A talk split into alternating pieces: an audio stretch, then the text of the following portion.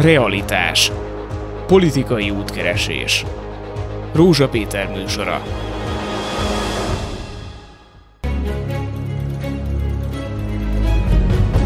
Realitás. Politikai útkeresés. Rózsa Péter műsora. Jó napot kívánok, örökzöld téma az egészségügy, semmi újat nem mondtam, vagy nem mondok azzal, ha felsorolom, hogy mi minden problémánk van nekünk a magyar egészségügyi ellátással, de ebben a műsorban szakértőink jó voltából azért szét fogjuk szálazni, hogy ebben a helyzetben ma mi mindent kellene, vagy mit várunk attól, hogy a kormányzat esetleg az egészségügyi ellátásban változtatásokat hajt végre, és hogy a magánegészségügyi ellátásban milyen lehetőségek vannak. Mai vendégeimet köszöntöm a stúdióban, jó napot kívánok, Kovácsi Zsombor, egészségügyi jogász, Cene Árpád közgazdász, az egyik legnagyobb életbiztosító, egyik termékfejlesztési igazgatója, és itt van Éger István, a Magyar Orvosi Kamara volt elnöke, orvos, gyakorló orvos, ugye most igen. is bár nyugdíjas, de dolgozik. Dolgozom, igen. Ez a lényeg, hogy a gyakorlatról beszéljünk. Az egyik kérdés az, amit nagyon sokan már elemezni kezdtek, hogy a hálapénz eltűnésével, ami egy alapvetően pozitív a közönség szempontjából, nem oldódtak meg a problémák. Részint azért, mert ugyan az orvosi fizetések megemelkedése az egy örvendetes dolog, hogy az orvos nincs rákényszerítve, hogy kuncsorogjon pénzért. Másrészt viszont nincs igazából érdekeltsége abban, hogy gyorsan minél több beteget lásson el. Önök hogy látják, hogy mi az, ami hiányzik még, hogy a hálapénz eltűnésén túl az az ellátásnak a hatékonysága az, és az orvosi érdekeltség erősebb legyen. Éger, Éger úr. Hát ugye szomorú az, hogy azzal kell szembesülnünk, vagy bizonyos vélemények azt fogalmazzák meg, hogy kizárólag a hálapénzt tartott fenn érdekeltséget a rendszerben, Igen, bár kétségtelen, hogy bizonyos, bizonyos szakmákban ez bizonyára igaz volt, de azért nagyon sok szakmában nem, ahol nem volt hálapénz, mert ne felejtsük hogy amíg volt hálapénz, addig azt mondták, hogy igen, vannak hálapénzes szakmák, meg nem hálapénzes szakmák. Melyik a nem? Azok is Mondjuk működtek. a gyerekorvoslás? Hát az... azért a, a különböző diagnosztikai szakmáktól kezdve sorolhatom a kisklinikumok egy része Ott nem volt esetett, azért nem volt jellemző, nem volt annyira motiváló, mint amennyire ez most előjött, hogy rohamosan csökken a műtétek száma, mert a doktorok nem érdekeltek. Akkor hadd világítsuk meg egy picit ezt. Pontosan azóta, mióta ez a rendszer beállt, illetve beállóban van, mondjam így, azóta a COVID okán a kórházi finanszírozás rendszere is változott. Nincs teljesítmény, le van állítva a teljesítményfinanszírozás. Igen, igen, sokat károsztatott hanem, rendszer. Hanem, hanem átlagfinanszírozáson. Következésképpen, miután még mindig nem értük el azt nagyon sok beavatkozás tekintetében, hogy annyit fizessen érte, aki fizet, mondjuk a biztosítónak, nevezzük így az állam, amennyibe az kerül, kerül minél többet csinál jelenleg a doktor abból, annál több veszteséget, veszteséget generál az termel. intézménynek. Igen. Következésképpen, tehát nem lehet ezt egyértelműen csak a doktorokra vetítve, vetíteni. Másrésztről azt is mondjuk meg őszintén, hogy itt a hálapénzrendszer kivezetésével kapcsolatban is vannak még tennivalók, mert azért vannak már ügyes kerülőutak, meg egyéb más dolgok, amikről hall az ember, vagy hát amikkel néha sajnos szembesül, tehát ez a dolog abszolút nincsen kész. De akkor hogy lehet szinkronba hozni a magánellátás, magánegészségügyi ellátást az államival, ha ilyen fundamentális problémák vannak már magának a közfinanszírozott ellátásnak is, Kovácsi úr? Az alapprobléma az, hogy maga az állami ellátás sem áll meg a lábán. Tehát azt kellene először rendbe tenni, és ennek az egyik sarkalatos pontja az volna,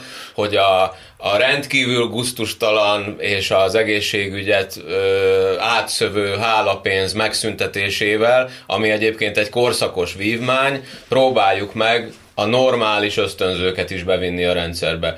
Egyébként, amit Éger István elmondott, ahhoz még hozzátehetjük magának a Covid járványnak a természetéből fakadó keresleti karakterisztikáját, hogy lefordítsam, amit akarok mondani.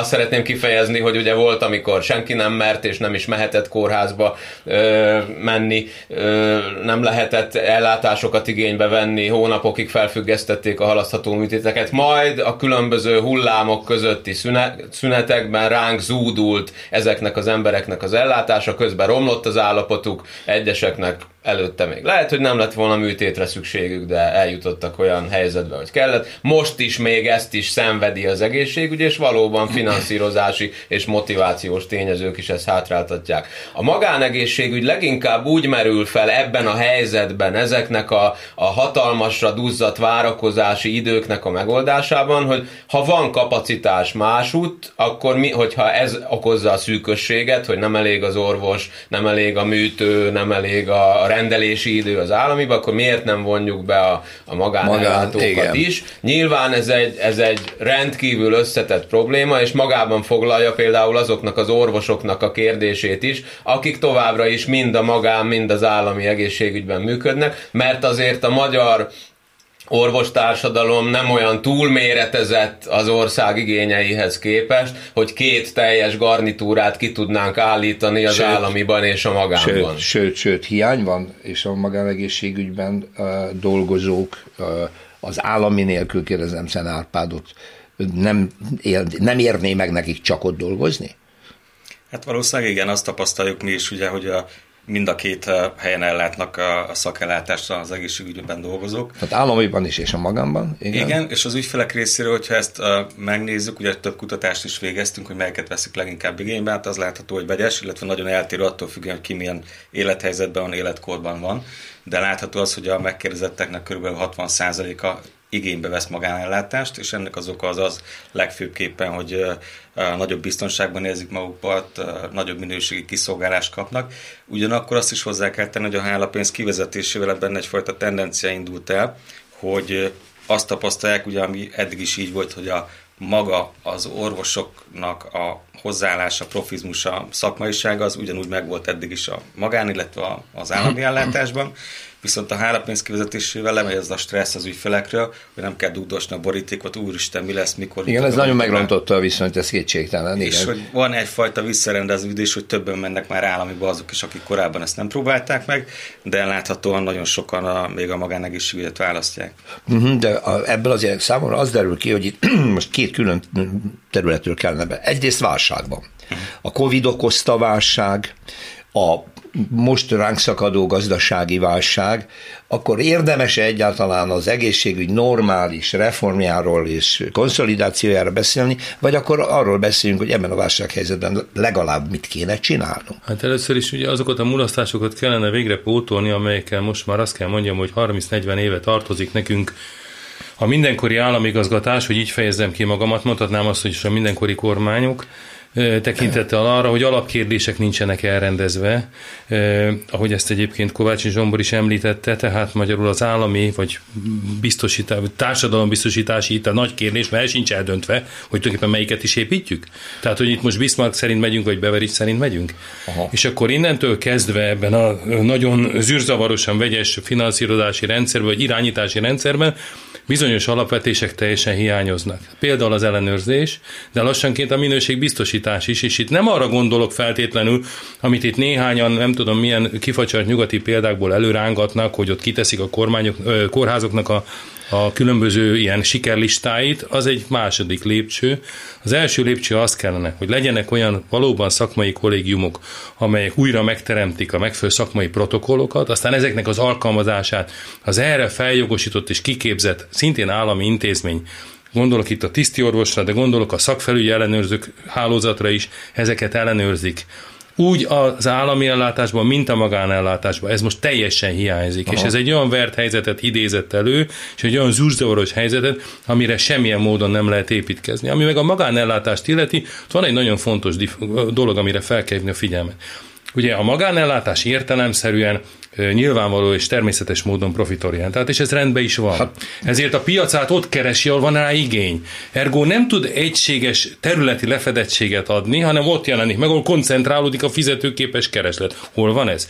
Fővárosba, vidéki nagyvárosokba, különösen az egyetemi központokba, ahol egyébként van kapacitás arra, tehát az orvos oldalról és a szakdolgozó oldalról, hogy van, akivel dolgoztassanak, Tehát, és a van ahol fizetőképes kereslet. Tehát itt megint van egy olyan szempont, amit nem szabad elfelejteni. Amit, az, amit, amit a magán egészség nem, nem fed le, meg piacilag nem éri meg, ott az állami, tehát a TB finanszírozóknak mindenütt kellene hely, ott mind, lennie. És, a, és ezért kellene mindenütt egy stabil, egységes színvonalú, jó színvonalú állami ellátásnak lenni, és akkor erre lehetne különböző dolgokat rá varni. Igen, még erre erősítenék rá, hogy a nagy különbség a magánellátók és az állami intézmények között, ugye, hogy jelenleg is van valamilyen szabályozás, de ezt abszolút alá tudom támasztani, hogy nem megfelelő szintű, és ez a magánegészségügyben abszolút kijön. Tehát, hogyha mondjuk egy köznapi példával élve, hogyha valaki elmegy egy büfébe, oda is vonatkoznak szabályok, hogy valaki mondjuk a közétkeztetést intézi az iskolák, óvodák és az idősek számára, ott a közétkeztetésben sokkal szigorúbb szabályok vonatkoznak azokra az ellátó intézményekre.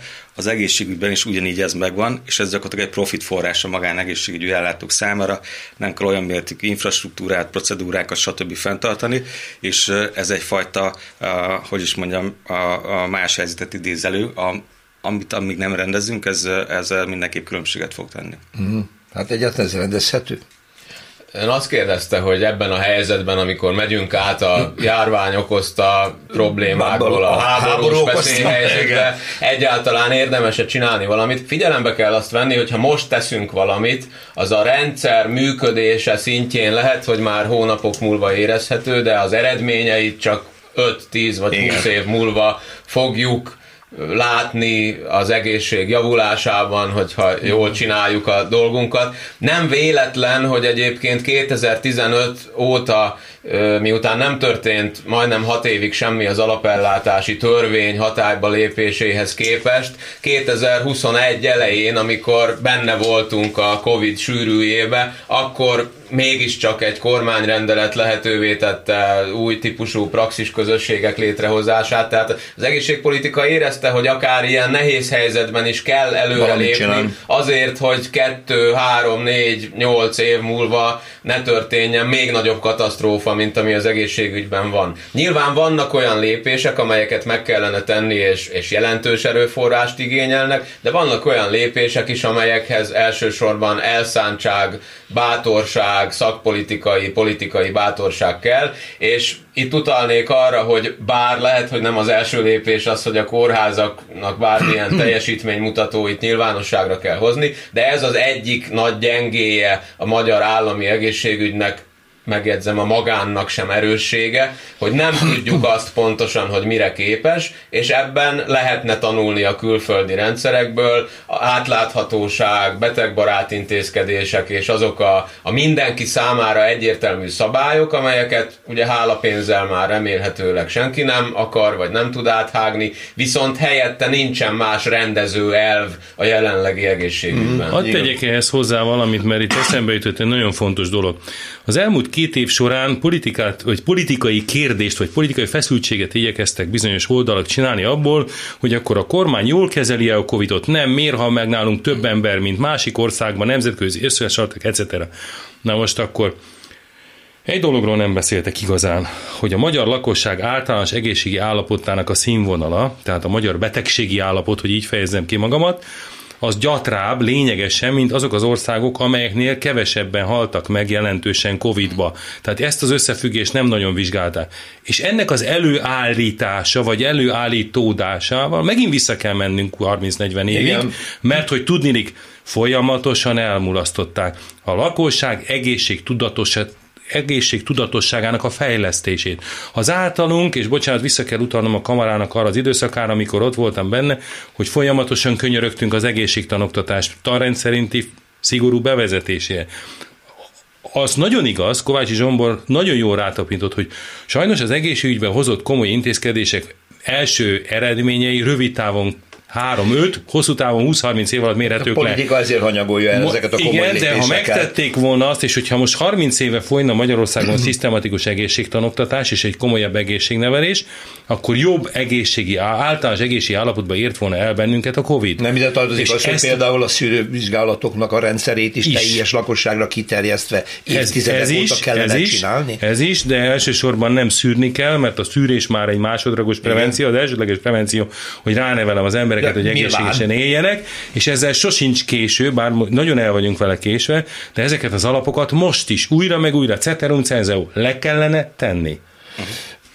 Igen, és, és ez nagyon fontos, mert ugye ez... Uh, és biztosítási érdek is, bocsánat. Abszolút pontosan, és mi is ebbe az irányba megyünk, hogy a prevenciónak nagyon nagy jelentősége van, mert hogy utána magát a szakellátást tudjuk ezzel elkerülni és tehermentesíteni valamilyen szinten a rendszert. Tehát, hogyha nézzük közgazdaságtanilag is, az állam szempontjából ez egy nagyon fontos dolog, hogy kevesebbet beruházni többször az elején, mint a végén egy nagy kereset rázudul az ellátórendszer, amit nem tudnak ellátni. Igen, nem beszélve arról, hogy a munkaerőnek mekkora differenciája ez, hogyha megelőzzük, tehát munkaképesen tartjuk, vagy pedig állandóan szenvedünk a munkaerőhiánytól. Ezek nagyon perspektívikus elképzelések, soha egyetlen kormány nem lesz érdekelt abban, hogy egy 20 év után várható eredmény érdekében most beruházzon. Hát ez egy elég nagy baj. És ez egy, ez egy klasszikus hiba. Na de ez azért baj, mert sem a szakma, sem a lakosság nem tudja kikényszeríteni.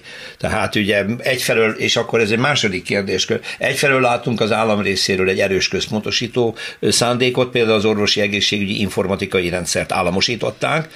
Másfelől azt is látjuk, hogy terelni a magánegészségügy felé a betegeket, hogy intézzék el saját zsebből, és akkor a TB kevésbé lesz terhelve, de hát ilyen állat van, nem, nincs fölmérve. Tehát azért tévedés ez, még ha, még ha elfogadjuk ezt a feltételezést, Igen. hogy oda tereli, Igen. és tételezzük föl, hogy ő tényleg oda akarja terelni, én nem tudom. De növekszenek a számok. Az egy más kérdés, hogy növekszik, de hogy ki tereli, ki nem. Igen, ja. de hogy ez hol üt vissza? Tehát ez a fagyi visszanyal, mert mert, mert a, egyrészt ott is növekeznek a várólisták, nem véletlen, amit említett itt az igazgató úr, hogy, hogy jönnek vissza az állami bombardérek. Másrészt a szövődményes esetek, amelyek sajnos nem kevesen vannak, azoknak az ellátása mindenképpen visszaúlik az állami ellátásra. Igen. Arra, bocsánat, nem bántva a magánegészség, de ki is mondják, nem felkészültek, tehát abban vagy nem kellően felkészültek, az nem éri meg, tehát az visszajön, Aha. és ez így sokkal többe kerül megint csak, és azt pedig Magyarországon sajnos nincs intézmény, kellene, hogy legyen, de nincs intézmény, amelyik elvégzi azokat az egészségtervezéseket és egészséggazdasági tervezéseket, amelyeket egy jóléti államban a társadalmi egészségbiztosítás elvégez, vagy az állami intézmények elvégeznek, és amelyek ki tudnák mutatni, hogy hol kellene nem bizony oda terelni, vagy nem ide terelni, mert ez mibe fog kerülni. Aha, de hát mondjuk egy egészségügyi minisztérium ezt milyen jól meg tudná csinálni? Nem tudná megcsinálni, az egészségminisztérium sem is tudná megcsinálni, az a tapasztalatom az állami igazgatás tekintetében, hogy állna mindent kiszerveztek, Aha. kellene egy olyan olyan tudományos intézmény, kellő szakemberekkel és kellő jogosítványon felruházva, amelyik ezt végzi. Ez közérdek volna. Anyagi közérdek és állami politikai közérdek. De megint csak nagyon hosszú távú tervezésről van szó, mert ez nem hozná meg holnapra az eredményt. Hát, de, de hát egyszer el kellene, hát, ha látjuk, hogy mekkora baj van, és egyre nagyobb a rendezetlenség, nem akarok más szavakat használni, mert az illetők megsértődnének, de mindenképpen neki kell fogni, mert enélkül ez nem fog menni, és ránk szakad az egész csőd. Szóval Kovács úr? Azért nem teljesen arról van szó, hogy futball hasonlattal éljek, hogy csak nyolcan vagyunk a csapatban, és nem tudjuk az állami ö, futball SC-ben ellátni a, a megfelelő feladatokat, és ezért csak a, a magán futball csapat lehet az, amelyik ö, besegít, hely, besegít és, vagy, vagy helyettünk lejátsza a meccset, hanem itt meg vagyunk 11-en, még mezünk is van, de nem feltétlenül jó posztokon játszunk, nincs meg a megfelelő stratégia, nincs meg a megfelelő taktika. Ezt azzal szeretném visszakanyarodva az egészségügy terepére megvilágítani, hogy az alapellátásunk az nagyon gyenge a fejlett egészségügyekben sokkal hatékonyabb a források felhasználása azáltal, hogy egy erős alapellátás, házi orvosi rendszer megerősítve a gyógytornásztól a dietetikuson keresztül a pszichológusig nagyon sok mindenkivel, akiknek a kiképzése egyébként relatíve rövidebb, mint egy orvosnak a szakvizsgáig való eljuttatása, tehát akkor akár három év alatt olyan értékes szakembereket tudunk érettségi után megnyerni az alapellátásba, akik levehet lehetnek a házi orvos válláról sok feladatot, tehát ha így működik az alapellátás, akkor csak azok jutnak a szakellátási szintekhez, amelyek sokkal drágábbak, akiknek feltétlenül szükségük van erre. Magyarországon a, a mindennapok problémáival eleve abban gondolkozunk, hogy egy szakrendelőbe, sőt, akár kórházba fogunk eljutni. A házi orvos arra van kárhoztatva, hogy vényeket írjon, igaz, hogy most már elektronikusan teszi egy kicsit egyszerűbben, illetve beutalókat írjon hasonlóképpen. Mm, influenza időszakban, még a Covid előtt, ha gondolkozunk, 70-80-90 beteget látnak el egy rendelési idő alatt. Ezt kellene itt kellene hozzányúlni a rendszerhez, minden új miniszter, minden új államtitkár az egyetemi klinikákkal és az országos intézetekkel foglalkozik, mert a elnézést a kifejezésért a nagy kutyák vannak az ő közelében, és nem a falusi háziorvosok, pedig ez lenne az Achilles sarka a magyar egészségügynek, ezt kellene erősíteni, itt kellene sokkal nagyobb erőforrásokat mozgósítani, és hát akkor talán évek alatt lehet hatékonyabb állami egészségügyről beszélni. És úgy tűnik, hogy vitatkozni fogok veled, pedig nem, amikor azt mondom, hogy ez szép és jó, amit mondasz, csak ezt is már sokan zászlóra tűzték. Most a kisebbik probléma az volt, hogy ezt a gyógytornást, meg dietetikust, meg egész, meg mindenkit, ezt nem volt hova leültetni, meg tetőt tenni a fej fölé, hogy amikor dolgozik, ne essen rá az eső, mert ezzel nincs meg az infrastruktúra.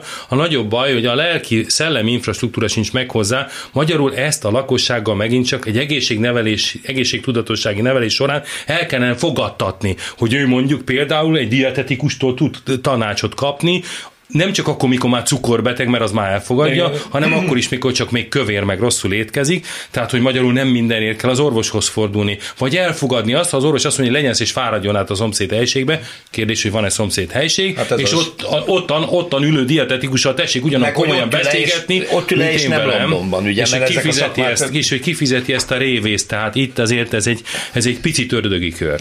De, igen, Pontosan, abszolút egyetértek, és visszacsatolnék a Kovács úrnak a, a mondandójára. Tehát az, hogy az alapellátást kell megerősítenünk ahhoz, hogy a szakellátásra ne túduljon akkor a tömeg.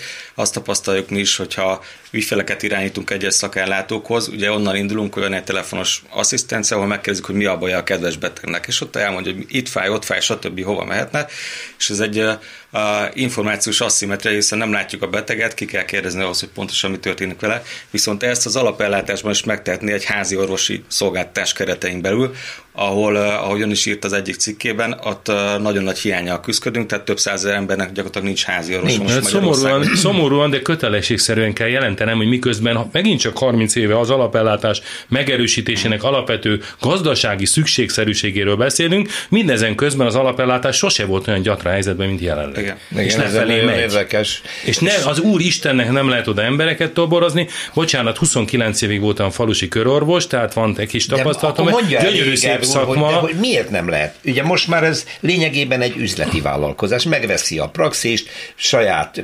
Hát, hogy üzleti ez azért túlzás, mert addig, amíg az egyik oldalon a bevételeket az állam szabja meg, addig ez egy ilyen nagyon féllábon hát, igen, valami. Ez, ez most, már, most már egy kicsit megtolták a pénzt, de itt még mindig van egy csomó olyan torzó, mint bocsánat, ezért most meg fognak engem kövezni a kollégáim holnap, ha találkoznak velem, de akkor is kimondom, hogy mindenféle hiú reményeket fűznek az úgynevezett praxis közösségekhez, ami vicc, mert nem igaz, mert, jól mert igen, az lehet csak éppen, amíg az orvos-beteg aránya, matek, a, a nevező számláló nem változik meg, addig ebből nem lesz semmi, már pedig attól, hogy összeteljük őket, nem változik meg semmi. Tehát az, az hogy házi feltétel... orvosok egy praxis közösséggel ellátnak nagyobb létszámot. De nem lát el nagyobb létszámot, pontosan ugyanannyit lát el, pontosan ugyanannyi orvos, a ráeső betegeket, tehát a, a, a hányados nem változik sajnos. Ehelyett viszont igenis motiválni kellene a kollégákat, és ugyanakkor kontrollálni is, mert a napi 8 órát végig kellene dolgozni olyan értelemben, hogy ott legyen minőségi munka, legyen adott esetben szűrő munka, egészségnevelés, egyebek. Erre szolgálnak a praxis közösség, szolgálnának, de ezt sem ellenőrzi senki. Nagyon magukra vannak hagyva a házi orvosok, szakmailag is magukra vannak hagyva. Itt nincs egyfajta ö, olyan szakmai hátterük, konzultatív hátterük, egyebük, amivel, amihez fordulni tudnának és ezért kiégett és öregedő a szakma. Kovács az elhagyatottságra szintén jó példa a telemedicina. Ugye a, COVID, Igen. a szörnyű Covid világjárvány pozitív mellékhatása volt az, hogy évek dörömbölése után végre megengedte a, a jogszabályi környezet azt, hogy Magyarországon lehet telemedicina ellátást nyújtani. Nem volt ez olyan pozitív. 2020 márciusában nagyon gyorsan reagált erre az egészségpolitika, és, és először a, a krónikus betegek gyógyszerfelírására, majd teljes egészében lehetővé tette mindez. A probléma az, hogy akkor ez egy, ez egy nagyon előremutató dolog volt a járvány elején, elején, amikor ránk szakadt az egész probléma, akkor nem, akkor nem kell foglalkozni igazából, nem kell jogászkodni, nem kell az adatvédelemmel, meg a, a nüanszokkal foglalkozni. A gond az, hogy, hogy két év múltán még mindig ugyanitt tartunk, tehát sem a jogalkotó nem adta meg azt a segítséget, hogy akkor esetleg, ha már van egy ilyen központosított intézményrendszer, akkor mondjuk ajánlásokat közölne, hogy mit kell, mit kell elmondani, mit kell beolvasni a betegnek, ugye, hogyha egy bank vagy egy biztosító telefonon áll a rendelkezésünkre, akkor sokan ismerjük ezeket a, a, a mindig meghallgatandó üzeneteket. Hosszú, hosszú. Igen, hogy most biztosítási ha, ha nem tesszük le a telefont, akkor hozzájárulunk az adataink kezelésére, stb. Azt gondolom, ha az egészségünkről van szó, akkor is legalább ilyen körültekintéssel kellene eljárni, de azért egy házi orvostól, vagy egy szakrendelőben dolgozó orvostól nem várható el, hogy ő maga kreáljon, vagy megfizessen egy jogászt arra, hogy ilyen szövegeket állítson elő. Mit csinálj? Felvegyük-e ezeket a beszélgetéseket? Mi egyáltalán milyen esetben állíthatok fel diagnózist? Nem tudja eldönteni Semmi az ebben nem jártas orvos azt, hogy lehet-e az adott helyzetben egy ilyen távkapcsolaton keresztül olyan döntésre jutni, ami kiválthatja a személyes találkozást. Ez egy óriási lehetőség lenne, de semmilyen segítséget nem kapnak hozzá az orvosok. Például ezzel lehetne erőforrásokat megtakarítani, mert a legkisebb faluba is oda lehetne vinni távkapcsolat útján a regionális vagy országos centrumban dolgozó magasan képzett szakember, például úgy, hogy a házi orvossal konzultál a háttérben, megnézi azokat az eredményeket, amelyeket egyébként soha nem látna, mert soha nem jutna el. Na most elmondom, hogy ez hogy működik a gyakorlatban. Igen, igen, csak egy pillanatra meg kell állnunk, egy rövid szünetet tartunk, és utána folytatjuk Kovácsi Zsombor egészségügyi jogásszal, Cene Árpád biztosítási szakértővel, és Éger Istvánnal, a Magyar Orvosi Kamara volt elnökével. A szünet előtt ott hagytuk abba, hogy a telemedicináról beszéltünk. Kovács Zsombor elmondta, hogy ez egy nagyon jó lehetőség. Kérdés, hogy Magyarországon egy házi orvos mennyire tud telefonon keresztül magabiztosan akár diagnosztizálni, akár hatós tanácsot adni, és Éger István azt mondta, a szünet előtt itt szakítottam félbe, hogy hát azért a gyakorlatban tudja, hogy ez hogy működik, szóval vagy nem működik? El kell árulnom, jelenleg kivonuló mentőrosként dolgozom. Hogy működik ez ma a gyakorlatban? Mi lett ennek az eredménye? Következő, a beteg betelefonál, és azt mondja, hogy nagyon fáj a lábam, és meg van dagadva. Válasz, hívja a mentőket. A mentők, ah. a mentők kimennek, mert a mentők mindig kimennek, mert a mentőszolgálat erre van szocializálva, erre van kondicionálva, mi megyünk, ha hívnak és hova visszük? A sürgősségi osztályra, amely sürgősségi osztályok 80%-ban olyan betegeket látnak el, akiket a háziorvos is elláthatott volna, volna. következésképpen megszakadnak a munkába, óhatatlanul többet hibáznak akkor, amikor súlyos beteget kéne ellátni, és arra több figyelem szorulna, tehát romlik a hogy mondjam, a minőségi rát, hogy ilyen csúnyán fejezem ki magamat, és ez is egy ördögi kör. Tehát ezt vissza kellene állítani a talpára, telefonon nem lehet beteget gyógyítani, a beteget meg kell vizsgálni, oda kell menni hozzá, hogy be kell csábítani a rendelőbe, attól függ, hogy milyen állapotban Na most van. éppen az van, hogy egy számos esetben az orvos elhárítja, De hogy hát ne, ne hárít, jöjjön be, legyen szíves, ne hárítsa miatt, hát, most az a protokoll.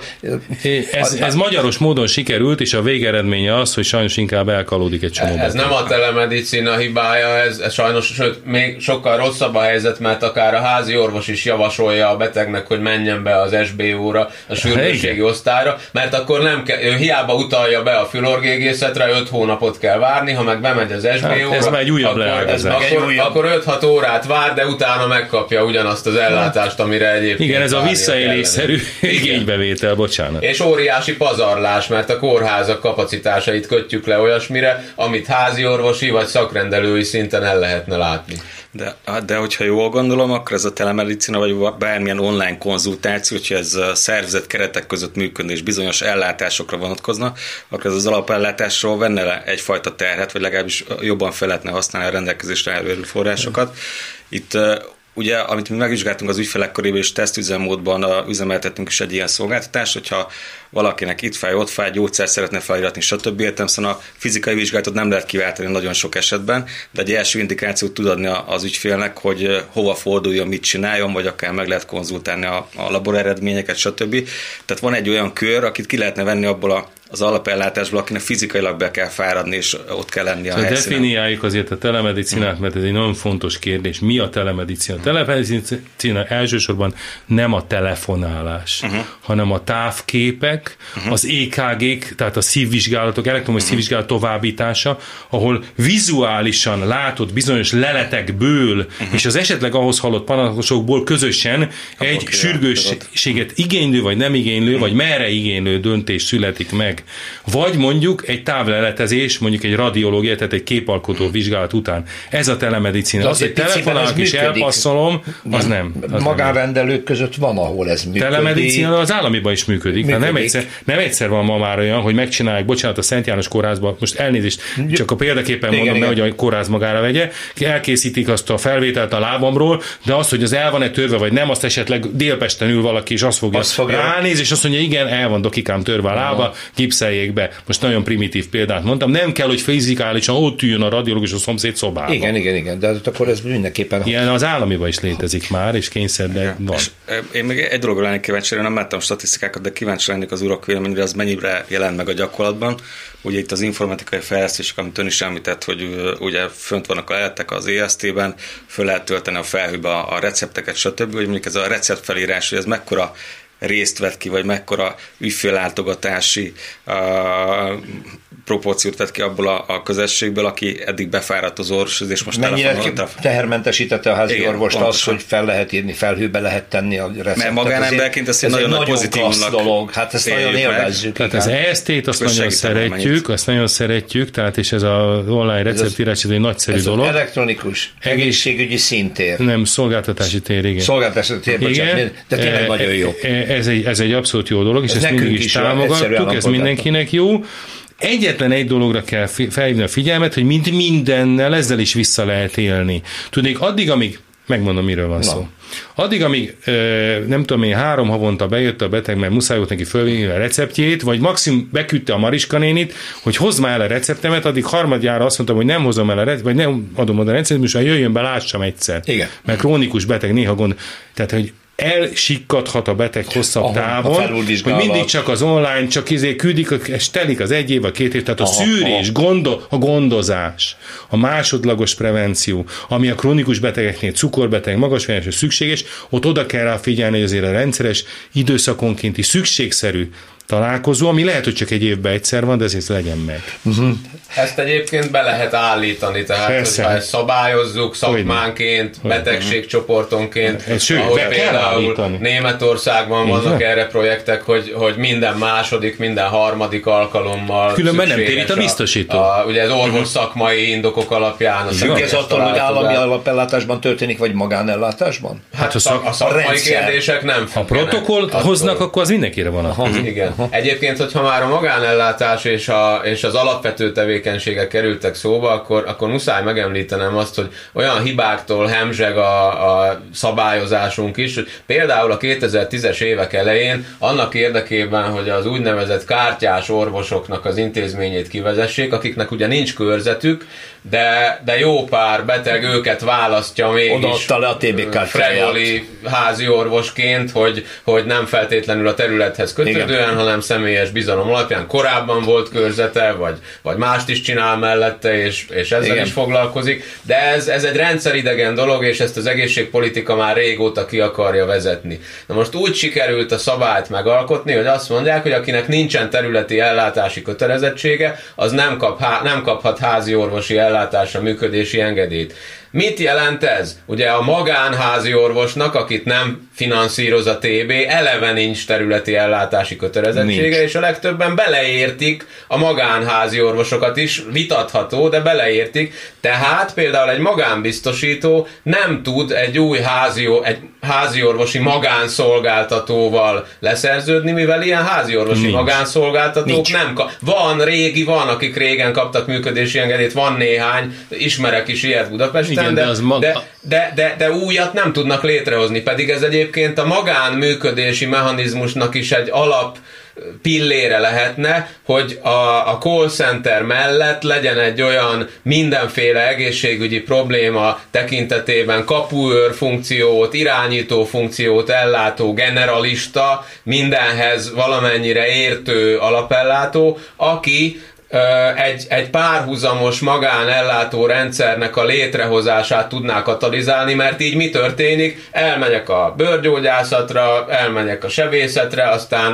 megpróbálom elintézni, hogy a biztosító fizessen. Nem is nagyon vannak olyan rendszer szervező elvek a meglévő magánbiztosítási rendszerünkben, hogy nagyon kontrollálná ezt a biztosító. Éppen ezért nem is vállalnak túl nagy kockázatot a biztosítók, limitálják, a betegek meg túlhasználják, ameddig meddig lehet ezeket a, a biztosítási termékeket, tehát ezért jár többek között gyerekcipőben Magyarországon a magánbiztosítás.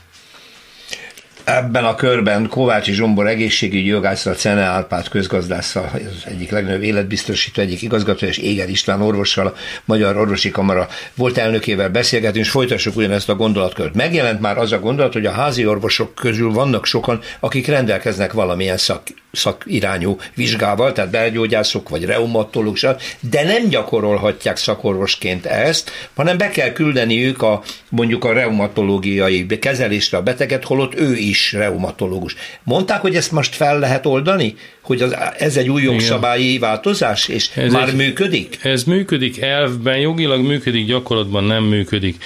Ugye említette Kovácsi Zsombor azt, hogy a 2015-ben született alapellátási törvény ezt elvben már lehetővé tette, de nagyon sokat késlekedett az a fajta végrehajtási utasítás rendszer, ami ezt kibontotta volna, ez végül is 2021-ben megtörtént ugyan, de még mindig a gyakorlatban nem működik. Még két okból kifolyólag nem működik, illetve három.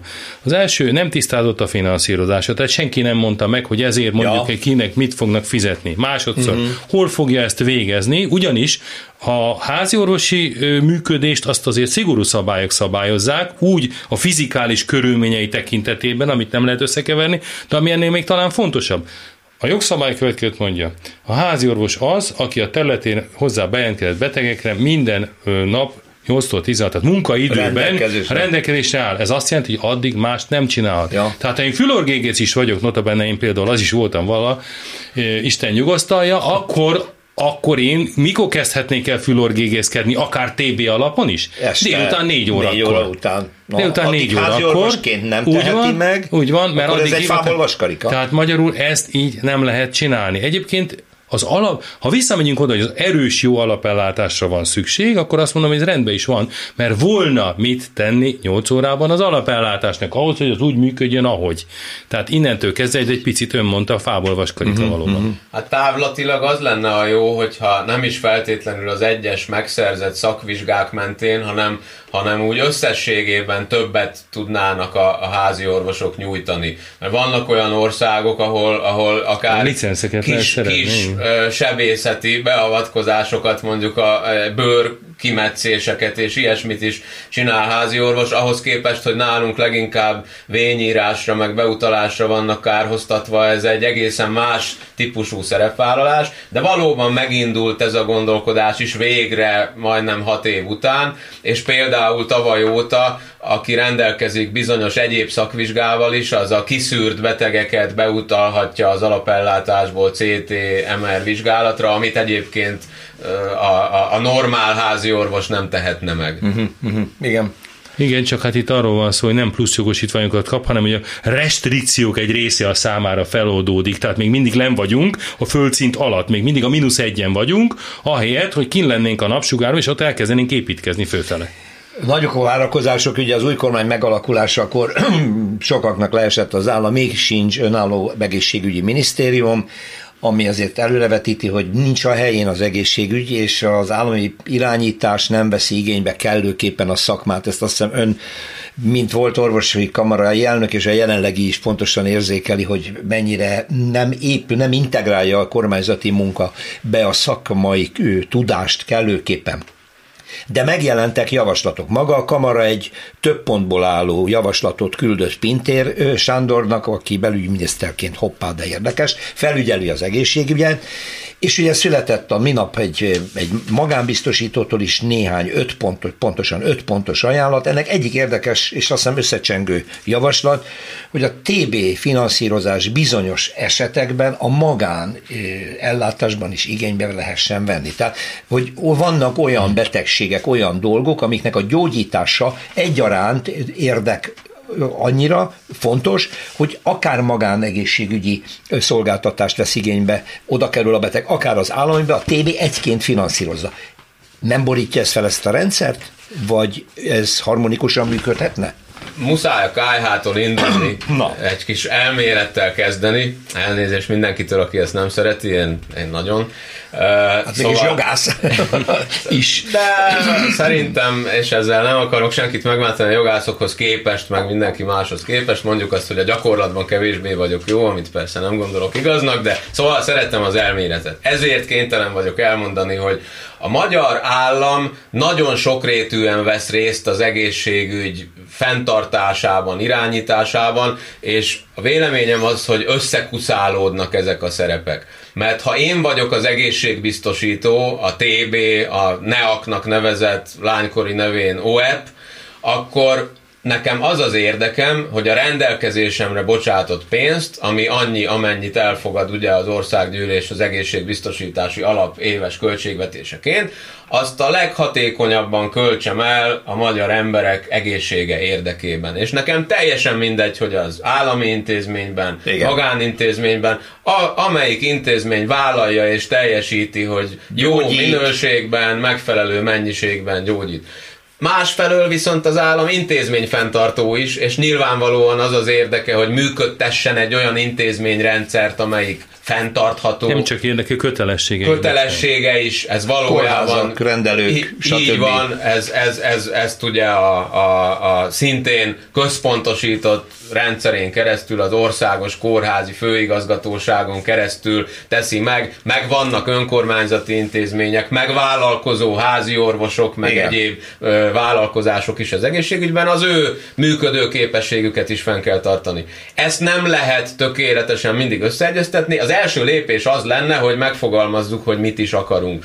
Másodszorban viszont azért el kell mondjuk, hogy jelenleg a magánegészségügy az elsősorban bizonyos szűk, körülhatárolt területeken képes alternatívát nyújtani a várakozást megunó betegeknek, mert például a krónikus betegek ellátásában vagy az onkológiában szinte egyáltalán nem vállal szerepet, amelyek, amelyek hogy úgy mondjam, nem érik meg, hogy egy kicsit sommásan fogalmazzak, az alapvetően fiatal, magas jövedelmű és egészséges embereknek a, a, az időszakos problémáit, az egy-két kezeléssel megoldható problémáit éri meg kimazsolázni elsősorban a magán Aha. egészségügyi rendszernek, de azért szerintem is lennének olyan ellátási típusok, ahol például nem merülhet fel a, a, a, a egészségügy túlhasználása, például a várandós gondozás területén miért ne választhatna egy, egy leendő anyuka egy magánszolgáltatót a befizetett társadalombiztosítási járulékok meg adók terhére. Biztos, hogy nem okozna olyan problémát, vagy hogyha okozna, akkor nem lenne probléma, hogyha emiatt még inkább kedvet kapnának. De például a fogászat? Hát a fogászat az, az, az már egy sokkal nehezebb Ez egy alapvető népegészségügyi kérdés. Mert, mert, mert ugye egyrészt kapcsolódik nagyon sokféle belgyógyászati betegséghez, a fogak állapota, stb. Másrészt viszont olyan jelentősen kiüresedett már az állami rendszer, Aha. hogy azt mondhatjuk, hogy, hogy szinte egyfajta közgyógyellátásszerű maradvány az, ami az állami ellátás. És ez már a magánellátás a magánellátás teljesen jó, viszi, drágán, így van. És akkor azt mondom, lehet, lehet, hogy ez egy sokak által vitatott, vagy, vagy nem szimpatikus vélemény, hogy ha a fogászati ellátást ilyen módon le lehet választani a, a TB egészségügyről, akkor lehet, hogy azt jobban megéri így elhagyni. Persze azzal, hogy közgyógyellátás jelleggel azzal, annak a, az egy-két millió embernek, aki nem tudja megfizetni a, a, a magánfogorvosi ellátást. De, de lehet, hogy három millióan is vannak, ezt jobban meg tudják mondani a szociológusok meg a közgazdászok. Annak legyen valós állami alternatíva, de én, én, én ebben a jelenlegi forrás szűkében nem azzal, nem azzal foglalkoznék, hogy a magánfogorvosi ellátásokat is megfinanszírozzam, hanem hogy az állami rendszer gatyába rázzam, és például olyan járóbeteg szakellátások esetén, ahol már vállalhatatlanul felduzzadtak a várólisták, vonnék be magánszakrendelőket abba, hogy próbáljuk meg jobban, hatékonyabban, mhm. gyorsabban ellátni a betegeket. Most ugye lefordítva magyarra ez azt jelenti, hogy bizonyos szigorú frakcionálás mellett bizonyos helyeken ko- kemény kontrollal lehetne erről beszélgetni, és nem egy általános Igen. átfedést, mert az általános átfedést el lehet menni, meg lehet nézni Csillébe, hogy mit eredményezett annó, tehát ez, e, e, e, ilyen módon ez a keveredés nem lenne jó. A fogászatra visszatérve meg azért annyit, hogy ugye Kovács Zsombor azt mondja, hogy hát ugye közgyógyellátás szintjére süllyed. Ez sajnos meg kell erősítenem, de ugyanakkor azt kell mondjam, hogy ebből sajnos nem következik az, hogy aki nem süllyedt le ennyire, az mind igénybe is veszi a magánfogászatot. Nem. Következésképpen van egy nagyon széles közép középréteg, most nem társadalmilag értem, hanem, hanem matematikailag, amelyik sem ezt, sem azt nem veszi, nem veszi igénybe, és ennek a népegészségügyi negatív következményei nagyon súlyosak, mert ezt ön is említette, hogy hát sajnos a fogászatnak a, a népegészség, gasztroenterológiai, onkológiai, Igen. stb. stb. stb.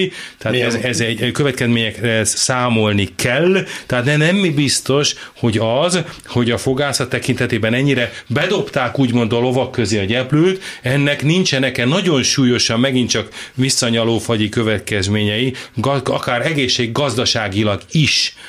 Az jogos, és ugyanúgy, hogy csak több évtized távlatában vizsgálható. De, de, de, ennek már, de, bocsánat, itt már halálozási számokkal is kell operálni, mert az, hogy valakinek mikor lesz milyen gyomorrákja, vagy notabene észreveszik-e idejében azokat a szájüregi rákokat, amelyekben aztán jól el lehet pusztulni, mert nem úgy meggyógyítani nem nagyon lehet, ennek bizony már mérhető halálozási Aha. következmény is lehetnének, tehát itt a fogászat és a fogászatnak a megbecsülése, úgy úgy mondjam, az egy kulcskérdés volna népegészségileg, és itt megint évtizedes késedelemben vagyunk. Másrészt egyrészt való igaz, hogy én is azt mondom, hogy a például az EST, tehát ez az egészségügyi informatikai nagy kalap, amiben most már be kell kerülni a magánszolgáltatóknak Igen. is.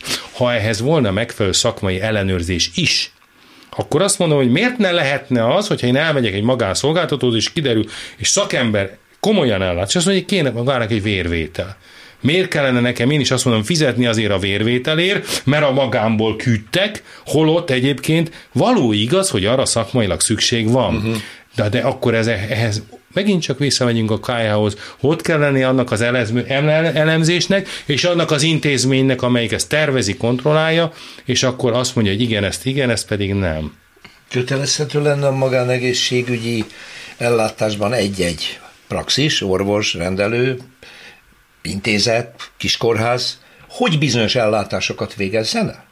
Mert ugye most nem. hallottuk, itt kimagzsolgázza magának a nem. magánrendelő, hogy ezt a betegség típusra érdemes ráállnom, egy, van rá fizetőképes kerestet, kettő, elég sokan vannak, három, me- meg is tudom oldani néhány műszerrel, de már műtétet nem tudok csinálni, tehát ott megy be a kórházba, tehát azt mondja, igen, is nem lehet hát, kötelezni. Szerződéses kérdés, de amíg úgy finanszíroznak, míg jelenleg, addig nem. Ugyanis ez biznisz, és egy bizniszben nem lehet senkit semmire kötelezni, arra végképpen nem, hogy veszteséget vásárolja. Igen, ezt én is így látom, hogy abszolút ki a mazsolázva vannak azok a szolgáltások, amelyet tudnak biztosítani itt a magánegészségügyi szolgáltatók, és ugye most Láthatóan van kapacitás is náluk, meg rengeteg beruházás történt a szolgáltatók részéről, rengeteg diagnosztikai eszköz, stb. Mm. az mhm. infrastruktúrát mögérakták, tehát keresik gyakorlatilag a keresetet erre, és ennek egyik lépés lehet, hogy az állam finanszírozza bizonyos ellátásokat. Igen. A másik nagy kérdés viszont, hogy maguk a magánügyfelek is finanszírozzák ezeket az ellátásokat, viszont ahogy mi is néztük a kutatásokból, az emberek nagy többsége igénybe veszi a szolgáltásokat, viszont átlagosan 115-120 ezer forintot költenek évente magánegészségügyre, ami azt jelenti, hogy valaki csak 30 ezer, valaki meg 3-400 ezer uh-huh. forintot uh-huh. akár.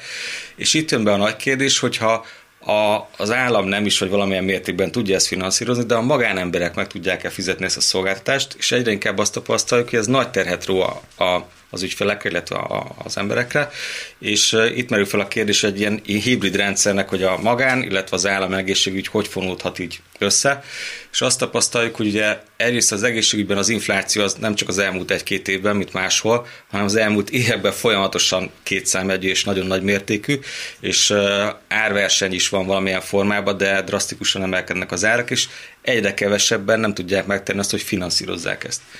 És erre vonatkozóan ugye itt a biztosítók úgy léphetnek be ebbe a rendszerbe, tipikusan a, a, az ellátásoknál, járóbetegellátásnál, hogy egy olyan fajta szerződést kötnek az ügyféle, hogy havi szinten fizet egy összeget, és amikor neki az elkövetkező 15-20 évben bármi gondja van, akkor a magánegészségügyi ellátást igénybe tudja venni. Erre a biztosítók abszolút nyitottak, és itt jön be az a kérdés, amit már érintettük, ez az EST, ami, ahogy mi tapasztaltuk így a, a kollégákkal, megnézve itt a külföldi kollégák tapasztalatit, ez egy nagyon nagy uh, uh, novum, úgymond, amit a biztosítók nagyon jól tudnának használni, hiszen az adat ez egy nagy érték számunkra, tehát nem mindegy, hogy egy 50-60x éves krónikus betegségekkel küzdő ember akar egy ilyen magánbiztosítást igénybe venni, vagy egy ereje terejében lévő 20 éves fiatal. Igen, igen. És ez egy természetes antiszelekció, hogy az akar ilyet igénybe venni, akinek baja van, és túl akarja használni a rendszert.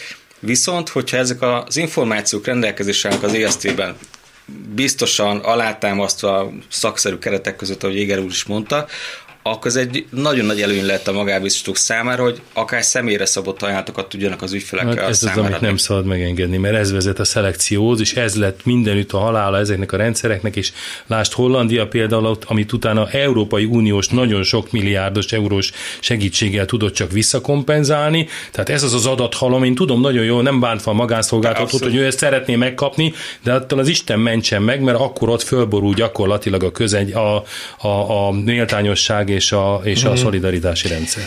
Elég bonyolult. Záró gondolat következik még Kovács úr. Mondana valamit, van körülbelül kettő perc. Igen, kétféle érdeket kell összeegyeztetni. A, a magánbeteg joggal mondja, hogy fizeti a TB-t, adózik. Igen. Miért nem tesz mellé az állam legalább egy keveset, hogyha ő magán szolgáltatóhoz megy?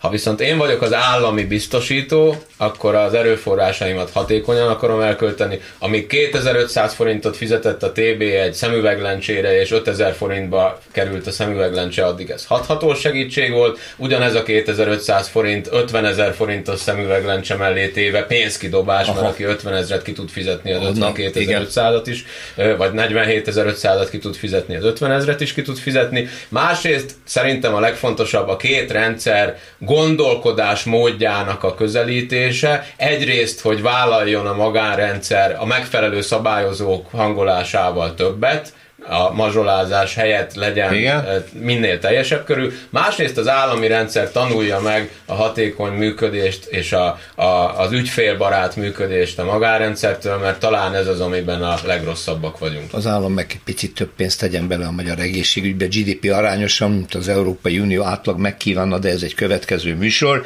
Nagyon szépen köszönöm az elmúlt egy órában Kovácsi Zsombor egészségügyi jogásszal, Cene Árpád közgazdásszal, az Magyarország egyik legnagyobb biztos biztosító, életbiztosítójának termékfejlesztési igazgatójával is, Éger István orvossal, a Magyar Orvosi Kamara volt elnökével beszélgettem.